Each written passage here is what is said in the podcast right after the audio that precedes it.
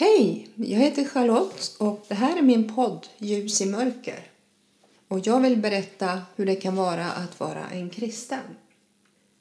Det här är avsnitt nummer 13 och det har jag kallat Ta vara på det viktigaste i ditt liv. Jag läste en gång en berättelse och den var ganska träffande.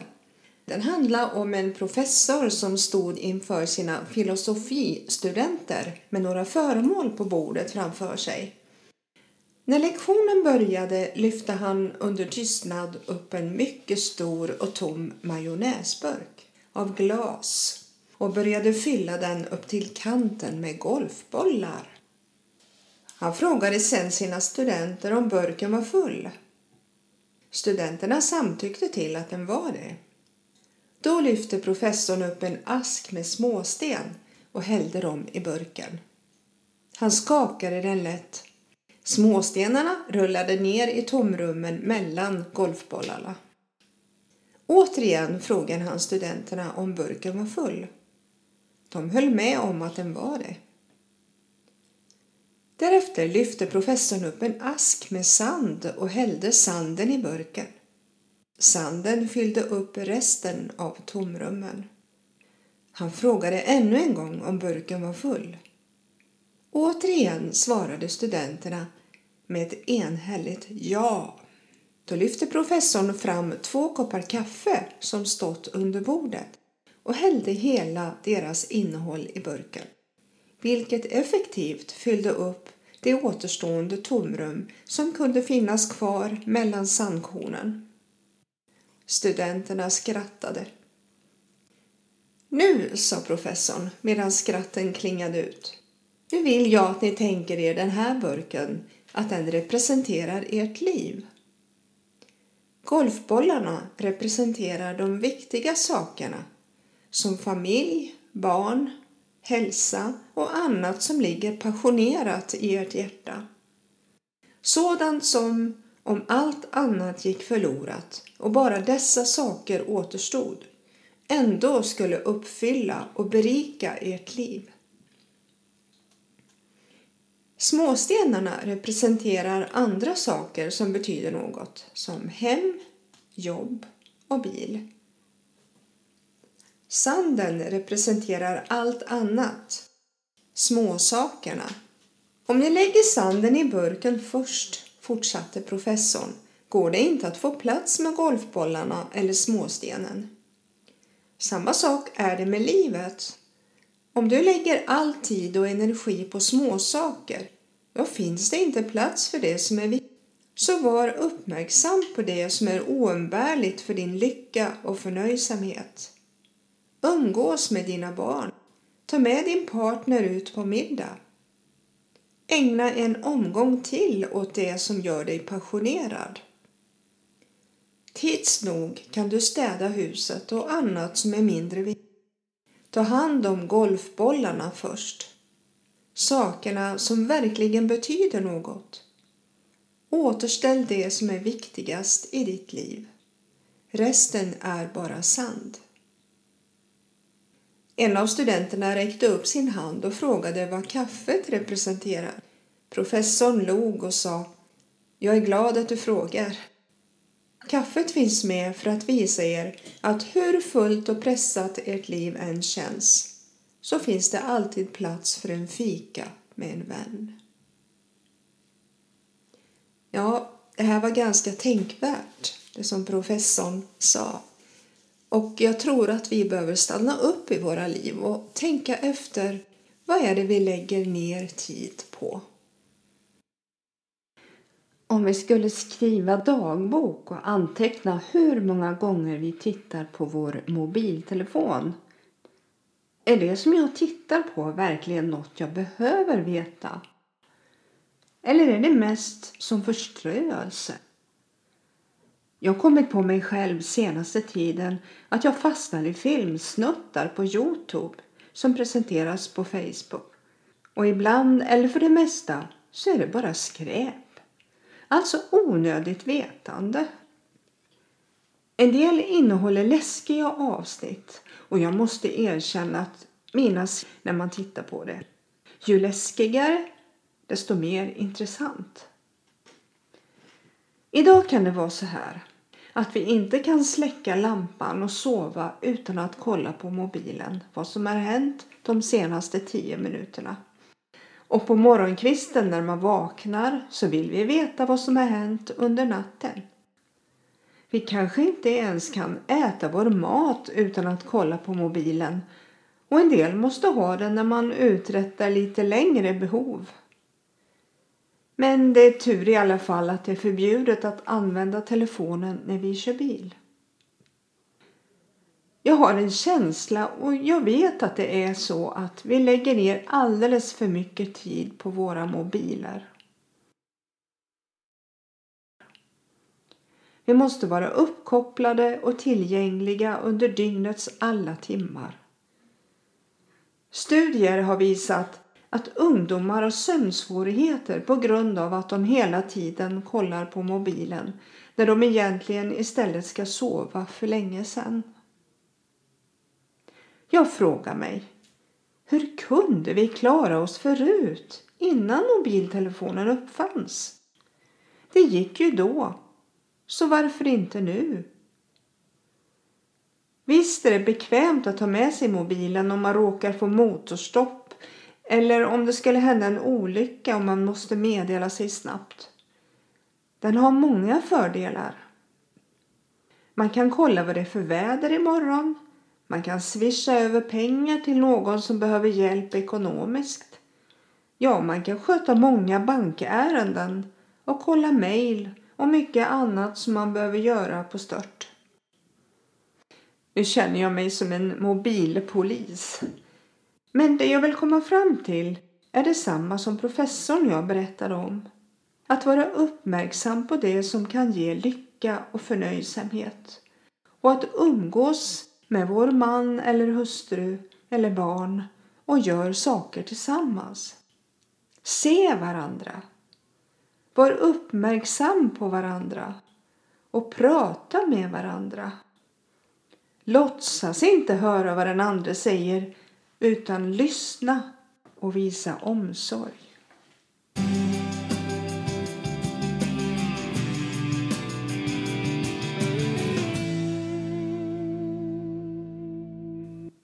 Vad jag och säkert du också har märkt det är att tiden går så fruktansvärt fort nu för tiden. Det som förut var en dag det har blivit en hel vecka. Kan det bero på att jag och min man nu är pensionärer? Jag trodde i min enfald att när man blir en glad pensionär så har man all tid i världen att göra allt möjligt. Jag känner en del äldre som har eld i baken och inte kan sitta still en halvtimme utan måste vara en här och en där. Det är precis som om tiden rinner ifrån dem och de måste göra så mycket som möjligt innan livet är slut. Men det gäller att ta tag i de viktiga sakerna. Jag behöver verkligen tänka om när det gäller detta. Jag har också svårt att sitta stilla och inget göra. Min man försöker bromsa mig ideligen. Jag tror att det beror på stress. Om jag inte får gjort det där nu så ligger det på mig i mina tankar ända tills det är gjort. Känner du igen dig? Som jag tidigare nämnt så har vi andakt varje morgon efter frukosten. Det är den bästa stunden på dagen. Då vet min man att jag sitter stilla en bra stund. När vi lagt den kommande dagen i Guds händer så märker vi hur allting flyter på. Det blir så lätt och behagligt i allt vi gör. Som kristen behöver man umgås med Gud. Inte bara en stund på morgonen utan det är en pågående relation som aldrig avstannar. Gud är intresserad av oss och allt det vi gör. Han vill visa oss vad som är bäst för oss. Han har ju skapat oss med våra kroppar och sinnen och han vill att vi ska vara hans redskap i den här världen. Om du vill bli använd av honom för sina syften så kommer du att upptäcka att han är beredd att ge oss all ledning och kraft för den uppgiften. Gud planerade ditt liv, vilket arbete du skulle ha, vilken man eller hustru du skulle ha och så vidare. Och han vill fullborda den planen, både för sin egen men också för din skull.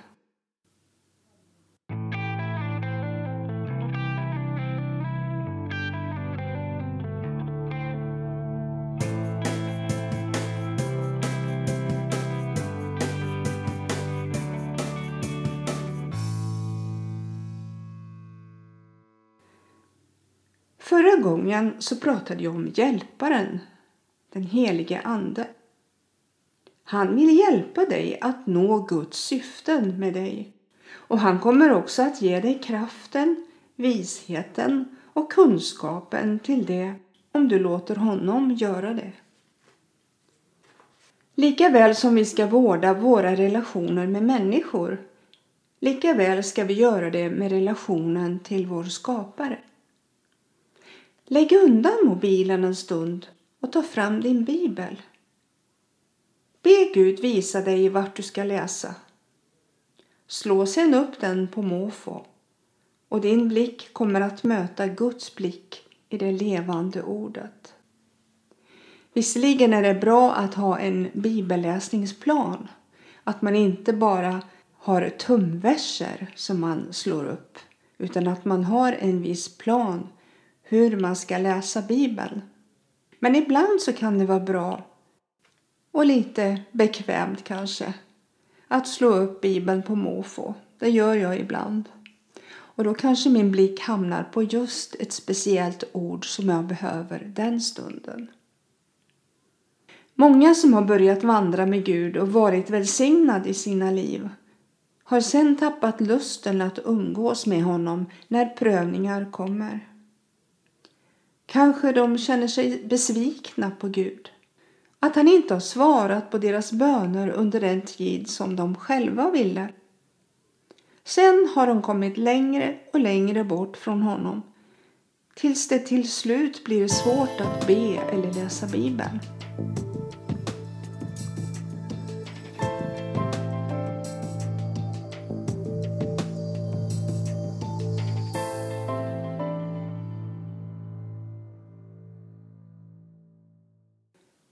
Jesus berättade en liknelse i Bibeln i Markus evangelium kapitel 4. Liknelsen om såningsmannen. Den handlar om hur evangeliet går ut till olika människor och hur det tas emot. Jag läser ifrån vers 3 i Markus evangelium kapitel 4. Lyssna, säger Jesus. En såningsman gick ut för att så och när han sådde föll en del vid vägen och fåglarna kom och åt upp det. En del föll på stenig mark där det inte fanns mycket jord och det kom snart upp därför att det inte hade djup jord.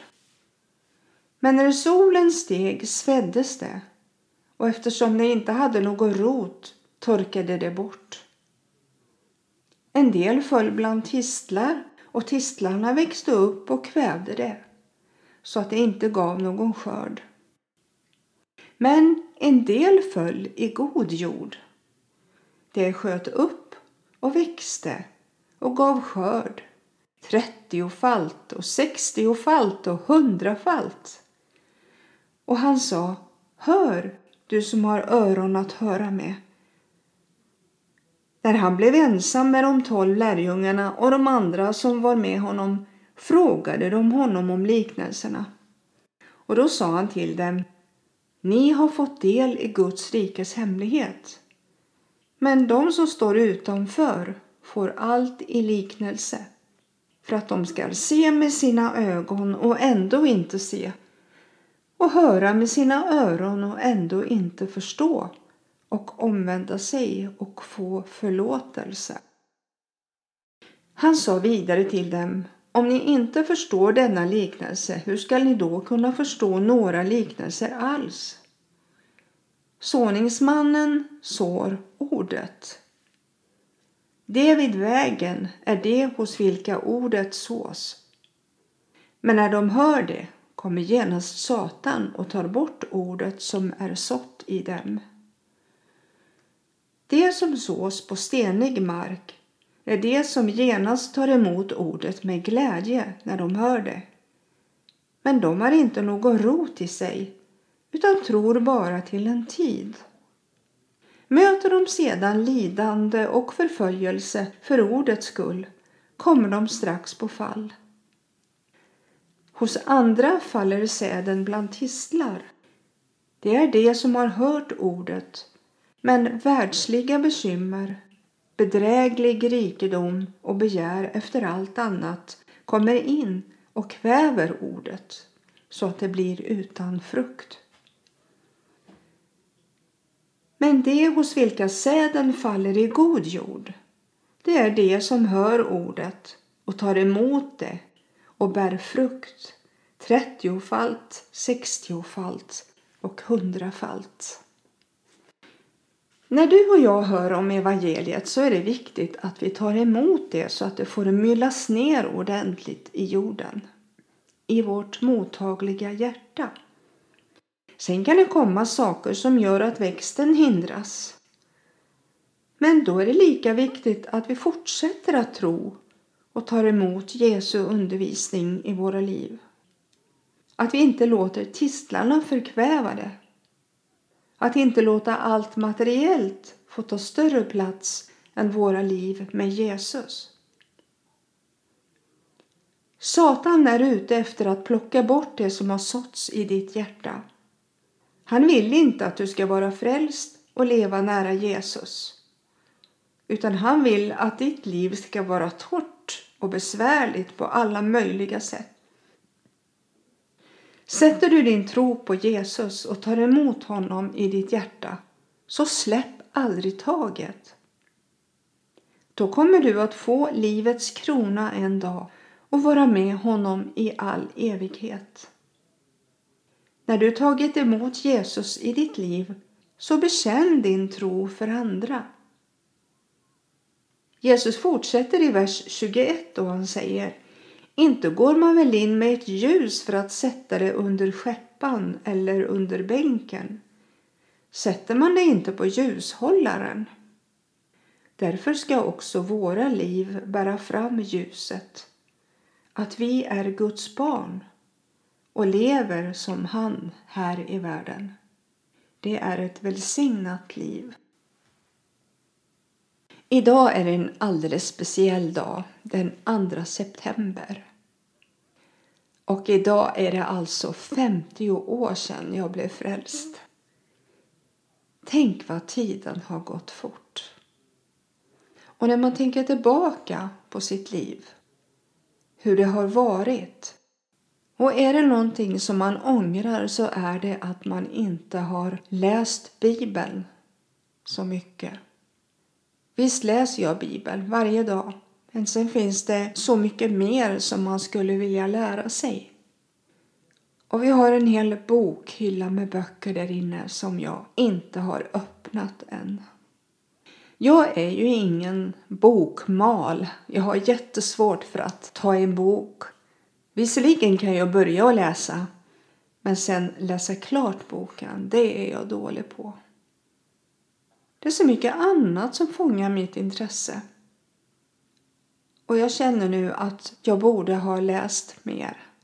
Men vi är bara människor. Och vi får lägga våra liv i Guds händer. Och vara tacksamma för det som vi har. Det som vi har fått. Och jag tackar Gud att jag fått möta honom. Att jag har fått bli frälst. Och jag önskar att du också får uppleva samma sak. För det är det bästa du kan få uppleva. Gud välsigne dig och ha det så bra tills vi hörs nästa gång igen.